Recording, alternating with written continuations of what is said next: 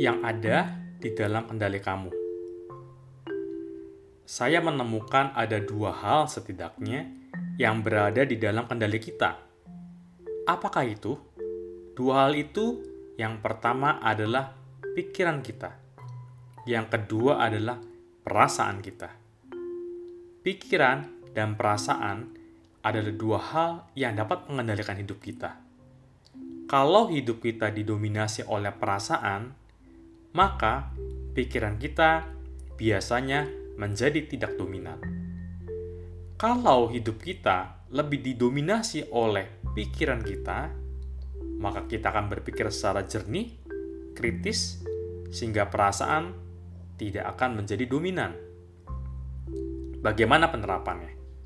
Contohnya, saat Anda pergi berbelanja ke sebuah mall, misalkan, Anda melihat ada diskon.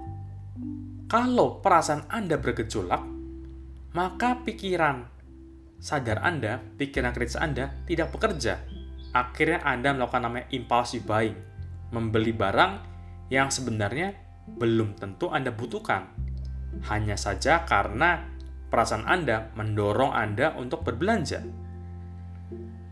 Karena itu, Anda harus pintar-pintar melihat, mengamati bagaimana Anda mengendalikan apa yang Anda dapat kendalikan. Demikian dari saya, Adrian Luis. Sukses untuk Anda. God bless you.